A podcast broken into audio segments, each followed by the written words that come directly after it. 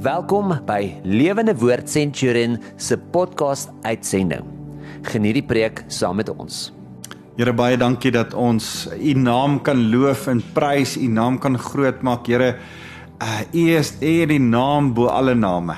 En Here, ons wil u as koning, Jesus, ons wil u net kom verheerlik as ons eie koning, ons persoonlike koning en Here, elkeen van ons as individue wil kom stil staan en sê U is ons Here, ons koning. En en, en Here, ek weet in die oorspronklike Grieks beteken daai Here, daai Kyrios beteken baas. Here, ek wil weer U baaskap oor my eie lewe kom uitbasyn. Here, ek wil die baaskap oor my eie lewe kom bevestig weer vanoggend. Mag elkeen van ons wat vanoggend so saam is om na u woord te luister, Here net in ons harte sê, ja Jesus, u is my baas. Partykeer kan ons dink u is my koning en dit klink so ver en ver weg, maar partykeer het ons nodig om die realiteit te te erken dat U ons baas is, die een wat ons opdragte gee vir ons lewe nou hier waar ons nou leef. Ons eer U. Dankie Jesus. Amen. Dit is my so interessant dat ons het baie keer so 'n bietjie weersin in die woord baas, maar tog wil die Here hê uh dat ons moet weet dat hy ook ons baas is. Dit is vir my lekker om weer so saam met jou te kuier. My naam is Wouter van der Merwe, ek's van Lewende Woord Centurion en uh, uh onthou tog dat as jy vir my uh iets wil stuur met my wil gesels dalk 'n kommentaar wil lewer of net sommer hallo wil sê uh is my e-posadres wouter@lewendewoord.co.za stuur gerus enige tyd vir my 'n brief selfs as jy dalk teologies van my verskil of nie saam met my stem nie dis my altyd lekker ek ek gaan nie uh, geafronteer voel of bedreig voel daardeur nie ek geniet dit om om om verskillende opinies na te kyk en selfs uh uh um ouens te antwoord as hulle uh vra dat ek met hulle dalk 'n onderwerp op of 'n sekere um stuk dogma of teologie moet bespreek. Ek is oop vir dit. So ek het verlede week met jou begin gesels oor autoriteit as jy verlede week ingeskakel het.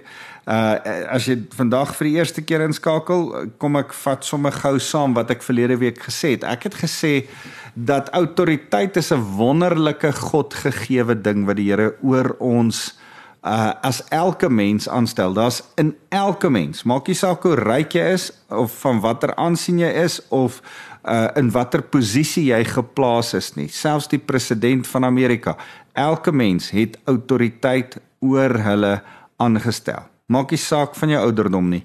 Jy het ook 'n baas. En al is op die ou ende net die Here jou baas, het jy nog steeds 'n baas. Uh, Autoriteit is 'n wonderlike ding. Autoriteit is 'n Godgegewe instelling. Die Here is die grootste autoriteit en ons het na 'n skrif of twee gekyk verlede week wat bevestig dat dat Vader God ons grootste autoriteit is en dat hy uh van hom af alle autoriteit kom. En dan het ons ook vir mekaar per implikasie gesê dat elke stuk teen autoriteit, rebellie, elke stuk uh verset en ongehoorsaamheid teen autoriteit kom eintlik van Satan af. En dat Satan uh, die een is wat die eerste keer homself teen God se autoriteit verset het En en vir die eerste keer was daar iemand in die heelal, Satan, wat gesê het ek kan hierdie werk beter as die Here doen. Uh, hoekom kan dit nie ek wees wat eerder hierdie werk doen as wat die Here dit doen nie? En en en Satan het homself homself soos God gesien. Um in steede daarvan om aan God gehoorsaam te wees, het hy gerebelleer. En daarom het ons verlede week gesê is daar net een van twee uh beginsels waar volgens die lewe werk. Net een van twee maniere om volgens te lewe. Dis of 'n lewe van onderwerping en gehoorsaamheid aan die wil en die plan van God of 'n lewe van rebellie in die tipe in die gelykenis in die beeld van Satan. So of ons volg die voorbeeld van Jesus en van God wat want ons het ook verlede week vir mekaar gesê dat Jesus tot die dood toe onderdanig eh, was aan Vader se plan. En Filippense 2 het ons na gekyk en gesê die Here het in die plan ingepas van Vader God. Maar ons het ook vir mekaar gesê dat Satan uh teen Vader God se plan was en en en in sy rebellie. En daarom is is daar vandag net een van twee keuses. Daar's nie 'n goue middeweg nie, daar's nie 'n grys area nie.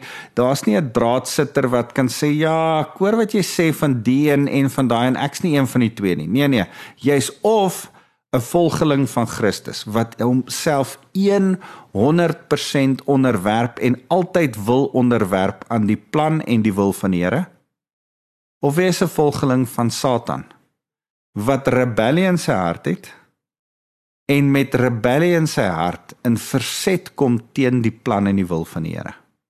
Net een van twee, een van twee keuses is beskikbaar. En en ek wil vir jou sê, ongelukkig as gevolg van die sondeval is almal van ons beïnvloed deur rebellie. Elkeen van ons het gerebelleer eintlik teen die oorspronklike plan van God met ons lewe en ons noem dit sonde. Elkeen van ons het gesondig en kom die heerlikheid van God tekort sê Romeine. En en daarom moet ons eintlik by 'n punt kom waar ons ons doelbewus willens en wetens onderwerp aan God se plan en sê Here U is my baas. Ek wil U gehoorsaam. Ek wil U woord volg. Ek wil doen wat U vir my sê, nie my eie kop nie. En en dis wat ons verlede week met mekaar gesels het. So vandag wil ek aangaan. Laat ek miskien net verlede week in hierdie een sinnetjie opsom. ek ek het verlede week gesê dis nie cool om te rebelleer nie. Ek Australië het 'n het 'n rebels uh rugby span en daar party ouens het 'n rebel T-shirt wat hy dra en party ouens sê ek hou daarvan om so 'n bietjie 'n rebel te wees. Nee, nee nee nee. As jy weet wat is die rebel en wie is die oorspronklike rebel, sal jy niks met rebellie te doen wil hê nie. Sal jy nie eers jouself ooit aan enige enige enige vorm van rebellie wil koppel nie. Ek en jy is nie veronderstel om enigsins 'n bietjie van 'n rebel of 'n harde kop of 'n 'n 'n bietjie dwars een te wil wees nie. Nee nee nee, ons moet soos Christus nederig van hart sag van gesindheid onsself onderdanig stel aan God se plan en wil van ons lewe. So eh, die vraag wat ek vandag vir jou wil los, wat ek by vandag wil begin is onderwerp ons onsself en en en is ons gehoorsaam uh aan die Here se wil en is om te onderwerp en gehoorsaam te wees dieselfde ding. Hoor mooi, kom ek herhaal dit vir jou. Is om te submit om te onderwerp om onderdanig te wees en of om gehoorsaam te wees dieself presies dieselfde ding. Nou nou nou kom ek begin deur te sê as dit vir die Here is. As dit uh die oppergesag, die opperautoriteit, die autoriteit bo alle autoriteite is waarvan ons praat, dan is hierdie antwoord op daai vraag ja. Onderwerp en gehoorsaam is presies dieselfde ding. As dit is soos wat ek dit verlede week genoem het om jouself te onderwerp en te gehoorsaam aan onderautoriteite. Onderautoriteit het ek verlede week verduidelik is mense wat onder God se autoriteit die autoriteit bo oor jou is. Soos Romeine 13 vers 1 sê, elke regering wat aangestel is, is deur God aangestel. So ons ANC regering wat in Suid-Afrika heers, of ons daarvoor gestem het of nie gestem het nie of ons dink dit was regverdig of nie op die ou ende het die Here daardie regering aangestel. En ons ons het ook vir mekaar gesê die konteks van die boek Romeine maak alle onduidelikheid of dit 'n goddelike regering is of nie baie baie duidelik vir ons. Paulus sê in hierdie boek Romeine dit aan die gemeente van Romeine dat elke regering deur God aangestel is terwyl die keiserregering goddelose uh regering wat die kerk vervolg het heers in Rome. So ja, ek en jy moet vir mekaar sê daar is ongetwyfeld regering oor ons aangestel, miskien jou baas. Uh miskien selfs 'n man, miskien selfs ouers. Uh um gemeenskaps uh regering uh, uh, uh, of dit 'n plaaslike regering of die nasionale regering is, daar's verseker regerings wat um, nie so goddelik en so Christelik is soos wat jy dit graag sou wou gehad het nie. Is hulle dan nog steeds deur God aangestel? Ja, ja, die Here het hulle nog steeds aangestel. En die Here het nog steeds 'n plan met hulle. Dit dis nie jou plan nie, dis die Here se plan. Die Here werk nog steeds deur hulle. Hulle gebruik die Here kan nog steeds vir Putin gebruik al dink ons nie so nie. Die Here kan nog steeds vir Kores en Nebukadneser gebruik al dink Daniël uh, miskien op 'n stadium nie so nie. kom my agter, die Here gebruik hom. So ehm um, as dit by onderautoriteit kom, dan is daar vir my 'n duidelike 'n verskil tussen onderwerp, die woord onderwerp en die woord gehoorsaam. En, en kom ek verduidelik dit vir jou so. Onderwerp is 'n gesindheid. Onderwerp is 'n houding van jou hart. Onderwerp is 'n is 'n mindset wat jy moet hê om te onderwerp of onderdanig wees. Be, word bepaal oor hoe jou hart ingestel is eerstens teenoor God dan teenoor mense en teenoor gesag. Ehm um, dis 'n ingesteldheid hier binne in jou. Dis wat onderwerp beteken. Gehoorsaam is 'n aksie. Dis die doen, dis die reaksie op 'n uh, opdragte en autoriteit wat oor jou aangestel is. Dis 'n reaksie ehm um, 'n 'n 'n doen in die lig van die gesindheid wat jy in jou hart het. Nou nou kom ek sê net vir jou so dat ek glo met my hele hart dat ons sal ons nie altyd uh as ons moet ons altyd onderwerp aan die Here en aan gesag en altyd 'n gesindheid, 'n sagte, nederige gesindheid van onderwerping hê.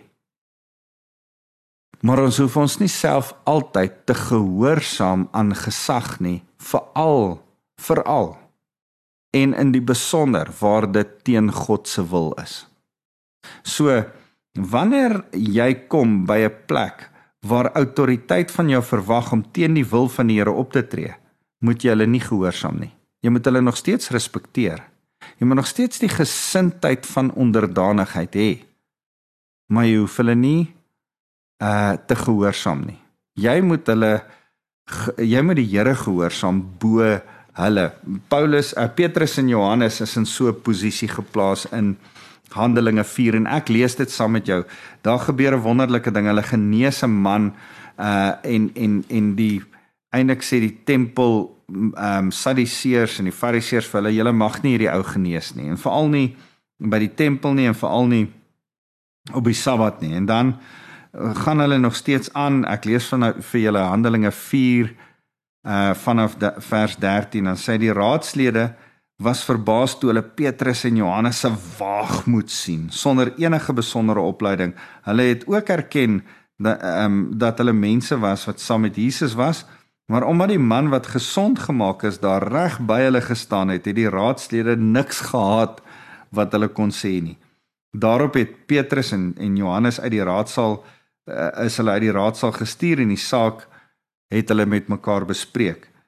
Wat gaan ons met hierdie mans aanvang? het hulle vir mekaar gevra. Dis vir almal wat in Jerusalem woon duidelik dat die onmiskenbare teken dat wat plaasgevind het. Die man wat al jare lank by die tempel gesit het, is genees. Dis onmiskenbaar. En ook dit kan ons nie ontken nie. Maar om te keer dat dit nog verder onder die volk versprei sê vers 17, kom ons dreig hulle om nie weer met iemand in die naam van Jesus te praat nie. Onthou die duidelike opdrag wat Jesus vir hulle gegee het: gaan en verkondig my evangelie aan al die nasies. Matteus 28 vers 19 en 20 nou kom hulle 'n 'n direkte teenstrydige opdrag gee as wat Jesus gegee het, nê? Nou sê hulle, kom ons sê vir hulle, hulle mag glad nie met iemand praat in die naam van Jesus Christus nie. Vers 18 sê hulle roep toe die apostels weer in bevel en beveel hulle om glad nie verder iets in die naam van Jesus te verkondig of te leer nie. Petrus en Johannes het egter in reaksie vir hulle gesê: "Dink julle God wil hê dat ons eerder aan julle gehoorsaam moet wees of aan hom?" Aan wie dink jy moet jy eerder gehoorsaam wees? Aan God of aan mense? Nou sê hy vers 20 sê hulle, ons kan nie anders as om te praat oor die wonderlike dinge wat ons gesien en gehoor het nie. Die raad het hulle nog verder gedreig, uiteindelik het hulle hulle egter laat gaan want hulle het nie geweet hoe om hulle te straf sonder om 'n volksopstand te veroorsaak nie. So partykeer in jou lewe gebeur daar goed dat die direkte autoriteit oor jou, daai onderautoriteit wat die Here oor jou aangestel het, uh verwag van jou om iets te doen wat teenstrydig is met die woord van die Here, wat verwag dat iets wat jy moet doen in opdrag, die aksie wat jy moet uitvoer, die gehoorsaamheid van aan hulle is nie gehoorsaamheid aan God nie. Dan staan jy eintlik voor 'n keuse. Moet ek aan my direkte hoof, my man, my uh baas, my pa, my direkte uh gesag, geestelike gesag, dalk my predikant, moet ek aan hom gehoorsaam wees of moet ek aan die Here gehoorsaam wees? As dit teenstrydig is met wat die woord van die Here sê, waar hoor ons die wil en die plan van die Here? Die woord van die Here. Dis die openbaring van die woord en die plan van die Here. Ons moet gaan kyk in die woord van die Here wat sy opdragte is as daar 'n direkte teenstrydige opdrag van mense se monde kom teenoor wat die woord van die Here sê, moet jy die woord van die Here volg, nie mense nie. En en en daarom is dit so belangrik. Ehm um, uh, verlede week na die preek sê iemand vir my Hitler het ook Romeine 13 vers 1 gebruik om vir mense te sê julle moet julleself onderdanig stel aan die regering van die tyd en die nazi regering van die tyd het van die kerk en die Christene in Duitsland in, in net voor die Tweede Wêreldoorlog verwag om aan hulle gehoorsaam te wees.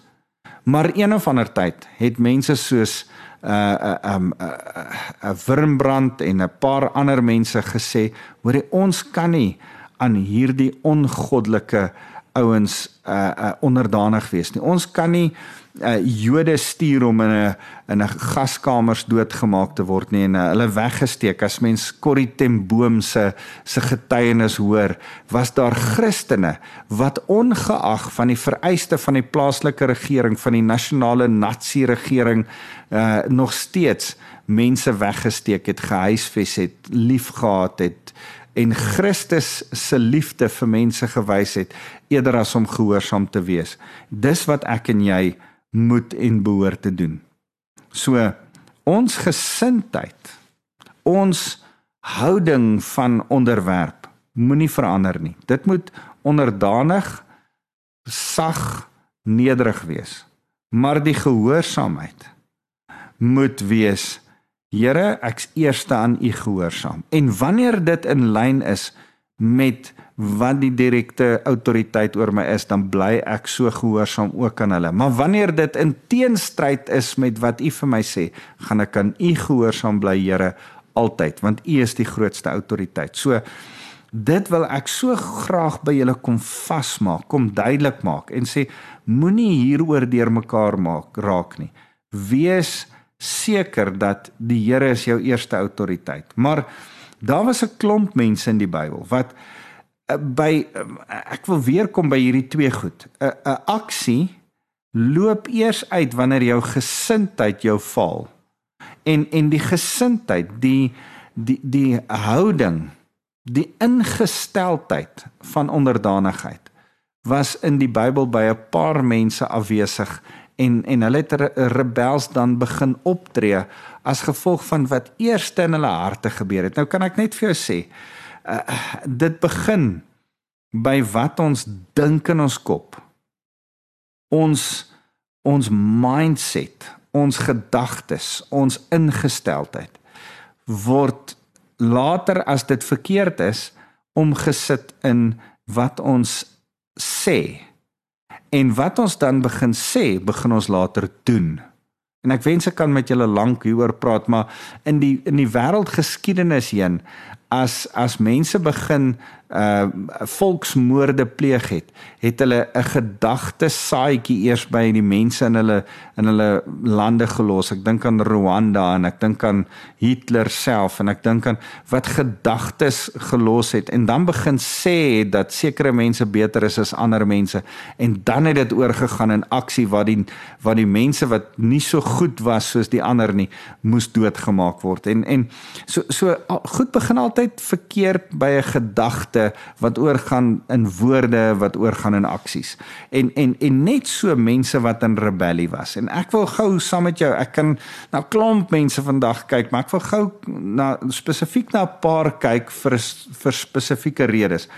In Genesis 9 vers 20 tot 27 lees ons van Gam, Noag, een van Noag se drie seuns. Sy ingesteldheid was heeltemal verkeerd. Hy was vies vir sy pa vers 21 sê uh dat Noag op 'n dag 'n wingerd geplant het na die vloed en Noag het van die wyn van die drink, wingerd gedrink wat hy gemaak het. Hy dronk geword en sonder klere in sy tent gelê. Gam, Kanaan se pa, het dit gesien en buite vir sy broers gaan vertel. Sem en Jafet vat toe 'n kledingstuk en hou dit agter hulle skouers, loop agteruit in die tent in en bedek hulle pa. Hulle het nie agtertoe gekyk nie omdat hulle nie hulle pa in daardie toestand wou sien nie. Toe toe Noag weer nigter was, kom hy agter wat sy jongste seun gedoen het en hy spreek toe 'n vloek uit oor Kanaan, die seun van Gam. Jy sien wat Gam hier doen is hy ontbloot sy pa in sy rebelsheid in sy 'n houding wat hy het van ek gaan nie onderdanig wees nie want my pa lê daar dronk. Is hy vies vir sy pa en gaan roep hy ander om sy pa se naaktheid te kom kyk. Kyk, ha ha ha, my pa lê kaal in die tent, klaar dronk. En en in steede daarvan om sy pa stilletjies toe te maak, want die interessante is dat die Bybel nie praat oor hoe verkeerd dit was van Noag om dronk te word nie. Die Bybel sê in Spreuke 20 vers 1 dat dronk word is sonde. Ons mag nie dronk word nie. Efesiërs 5 vers 19. Moenie dronk word van wyn nie, maar word vervul deur die Heilige Gees. Ons mag nie dronk word nie. Dis oor en oor in die skrif geskryf, maar maar dis nie waaroor die Here in Genesis hoofstuk 9 skryf nie. Hy kies om te sê, gaan nie fokus op die dronk word nie. Ek gaan fokus op die ontbloot van die dronkaard. Van die gesag van die seun teenoor sy vader. En dan ook die seun, die die blessing uh verder uitbrei van Jafet en Sem wat in steede van om soos Gam te ontbloot, eerder te bedek. Jy sien ek en jy moet weet dat geen onderautoriteit is perfek nie. Geen autoriteit hier op aarde nie, of dit nou die geestelike autoriteit by die kerk is of dit die baas by jou werk is of dit jou man is of dit die ANC regering is wat ons oor ons heers. Ons weet niemand van hulle is perfek nie. Hulle is nie. Hulle het foute. En ek en jy kan aanhoudend hulle foute ontbloot of bedek. Jy staan voor net een van twee keuses. Jy kan doodstil bly daaroor dan bedek jy dit. Of jy kan dit ontbloot deur daaroor te lag, verander dit uit te wys, daaroor te skinder, uh dit op Facebook te te te vertel, so uh iets daarvan te sê, um 'n groot baai daaroor te maak, koerant toe te gaan. Jy kan enigiets van hierdie goed doen. As jy ontbloot, loop dit saam met vloek. Is jy besig om in nature vanuit wat beginsels uit die skrif 'n vloek oor jouself en jou nageslag te bring. Is jy besig om vir jouself dit moeilik te maak? Kom ons som dit sommer so op. As jy kies om 'n gesindheid van nederigheid en onderdanigheid, 'n ingesteldheid te hê van onderdanigheid, dan gaan jy in jou kop jou autoriteit cover, toemaak, bedek. Hulle foute nie onder die tafel invee nie, bereid wees om hulle aan te vat oor hulle foute, maar dit nie uit te besyn vir die rapport of nie te gaan vertel op Facebook nie of nie te gaan skinder by jou selgroep daaroor nie. Wanneer daar 'n moeilike omstandighede is en jy maak toe is daar 'n natuurlike seën vir jou daarin? Is daar iets wat die Here raak sien en sê jy jou gesindheid, jou hart is reg? So kan ons Gam se rebellie sien en sê Here, ons wil nie ontbloot in rebellie nie. Ons wil bedek in 'n gesindheid van onderdanigheid. Die volgende ou wat ek vinnig met julle wil bespreek is Aaron en Miriam. Twee interessante uh familielede van Moses Moses. Ouer boetie en sussie van Moses. Miriam het immers vir Moses in die mandjie opgepas toe hy nog 'n babietjie was. Hy het sy het Moses sien groot word. Hier kom 'n groot Moses 80 jaar oud en en en en word al leier en en iewes skielik is hy met 'n swart vrou getroud en is daar in haar hart 'n rassistiese probleem en sy sê man jy kan nie eintlik het die Here ons beveel om dit nie te doen nie en hoe gaan jy dit nou so maak? En Ou Testamenties by the way mag jy nie kruiskultureel trou nie. Nuwe Testament sê die Here is daar nie meer Romein of Griek nie. Maak dit nie saak nie. Ek wil nie nou daarin gaan nie. Uh dis 'n dis 'n 'n moeilike uh, uh, gebied om in te beweeg maar Miriam en Aaron was nie dit was nie hulle gebied, dit was nie hulle veld, dit was nie hulle autoriteitsvlak om Moses se se keuses in sy persoonlike lewe te kon betwyfel nie. Hulle mag dalk raad gegee het, maar hulle mag verseker hom nie gekastei het daaroor nie en hulle het, hulle het hom aangevat. En dan sê die Here, Goed, ek gaan 'n wolk oor julle laat kom en en as my wolk wegbeweeg, dan sal julle sien wie's reg en wie's verkeerd. En en toe die wolk wegbeweeg, toets Miriam melaats. Hoekom nie Aaron nie? Hy het ook saam gekla. Aaron was die hoofpriester en die Here het sy hoofpriesters amp uh gerespekteer. Onthou Jesus, die hoofpriester is 'n tipe van Jesus, wys heen na Jesus en kon nie met melaats sit nie. Dit sou die hele prentjie wat die Here na Jesus toe verwys heeltemal deurmekaar maak. Daarom het Aaron nie melaats nie. Al kla hy ook al al al is hy ook een wat in rebellie opstaan teenoor Moses en Moses se keuses. Maar Miriam is melaats. En dit laat my dink dat dat skinder en en en mense sonder 'n gesindheid van onderdanigheid maar met 'n rebelse uh, uh, gesindheid en 'n beter wetigheid is aansteeklik soos wat melaats aansteeklik is. Is onrein soos wat melaats onrein was. En al tree Moses toe dadelik in Numeri 12 onmiddellik vir sy suster in, bid vir haar en vra vir bonatuurlike genesing wat die Here eer en haar toe nog dadelik genees. Moet sy nog steeds buite die kamp vir 'n tyd gaan bly om haar onreinheid aan te dui en die ritueel van reinheid eers deur te gaan. Kan ek en jy vir mekaar sê? Jou skinder jou opinie oor wat die leier eintlik moes gedoen het, jou baas eintlik moes gedoen het, die keuses wat hulle verkeerd gemaak het. Daai opinies is geestelike melaatsheid. Dis vuil. Los dit. Dis nie nodig nie. Mag jy wat rein is, wat mooi is, wat goed is. Daai Filippense 4 goed wat wat Paulus vir die Filippense gemeente, alles wat goed is, alles wat rein is, alles wat mooi is, alles wat wat wat prysenswaardig is. Oor sulke dinge moet jy dink, sê Paulus in Filippense 4 vers 8. En en en en en sy het nie hierdie goed in gedagte gehad nie. Sy het ander goed in gedagte gehad. Vinnig net 'n ander rebelse persoon ook teenoor Moses staan Korag op in Numeri 16 vers 28 tot 35. Ek gaan lees dit asseblief. Ek ek ek het te min tyd om dit vir jou te lees, maar hierdie ou staan op in rebelsheid teenoor Moses en hy sê man, hy kan ook die leier wees. Presies wat Satan gedoen het. En omdat dit uit die put van Satan uitgekom het, uh uit die uit die hel uit hierdie leen van rebellie van Party mense dink hulle kan hulle self aanstel eerder oor die aanstelling van God.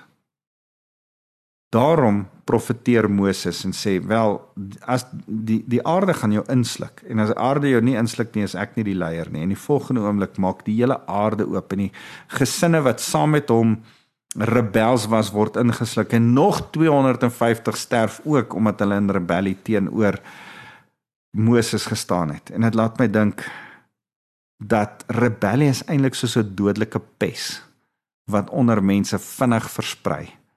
En dit kom uit die put van die hel af. En die Here haat dit. En ons sien dit in die storie van Korag. Die laaste voorbeeld wat ek jou wil wil vertel en ek wens ek het meer tyd gehad om oor hom te gesels is Saul. Saul wat eintlik 'n nederige jong man was wat tussen die uh, sy pa se donkies gaan soek, wegkruip, Samuel salf hom, rig hom op as leier. Hy loop met 'n salwing as koning hy's die koning van Israel, die eerste koning van Israel, 'n tipe van alle regering van vandag, maar hy loop rond en dan later raak hy arrogant oor sy koningskap omdat hy kop en skouers bo almal uitstaan, raak hy arrogant en begin hy rebelleer en dink hy later maar ek kan ook uh offer soos wat Saul offer. En as die Here hom in 1 Samuel 15 vers 1 tot 3 opdrag gee om te gaan offer dan dan is hy ongehoorsaam aan die Here en dan uh gaan tref hy nie die Amalekiete met 'n ban, banvloek nie. Inteendeel hy spaar 'n paar van die bokkies vir homself. Dan sê Samuel wat se geblær hoor jy uh wat hoor ek daar? En dan is dit natuurlik die skape en bokke wat hy gespaar het. En en dan sê nee dis eintlik vir die Here dis eintlik vir die Here. En dan sê uh Samuel hierdie woorde uh, rebellie is net so oortreding soos waarsere en hardkoppigheid is net so sonde soos afgoderry 1 Samuel 15 vers vers 23 24 En en ek wil vir jou sê, jy kan nou maar maak asof jy baie geestelik is, maar as jy arrogant, trots en in rebellie is, dan sê die Here is dit eintlik jou eie vormpie van godsdiens. Hy haat dit. Dit is soos heksery, dis soos afgode diens vir hom en hy hou nie daarvan nie. En kan ek vir jou sê, kan ek vandag afsluit deur vir jou te sê kom hê 'n nederige gesindheid van uh om om net voor die Here te kom en te sê Here Ek is onderdanig aan U, 'n nederige gesindheid van onderdanigheid. Geen trotsheid nie. En daar kom kere wanneer jy nie hoef te luister na autoriteit nie, maar bly in jou gesindheid nederig. Kom ons bid saam. Here baie dankie dat ons so nederig voor U kan kom sê, Here, U is ons koning. Ons luister eerste vir U. En daarna, Here, luister ons vir elke ander autoriteit soos wat hulle inpas in u wil en plan. Here, mag ons gesindheid nederig wees, mag ons gehoorsaamheid u altyd vereer. Here, dankie dat alles wat ons doen, u sal eer. Here, ek wil hierdie mense wat nou saam luister, hulle harte aangeraak laat hê. Here, mag ons mag ek hulle seën met die liefde van God ons Vader en die teenwoordigheid van Jesus Christus se genade by elkeen wat nou my stem hoor. En Here, U krag om ons te help om 'n gesindheid van uh onderwerping ten alle tye aan U wil en U plan te hê. Ons loof U Jesus. Amen.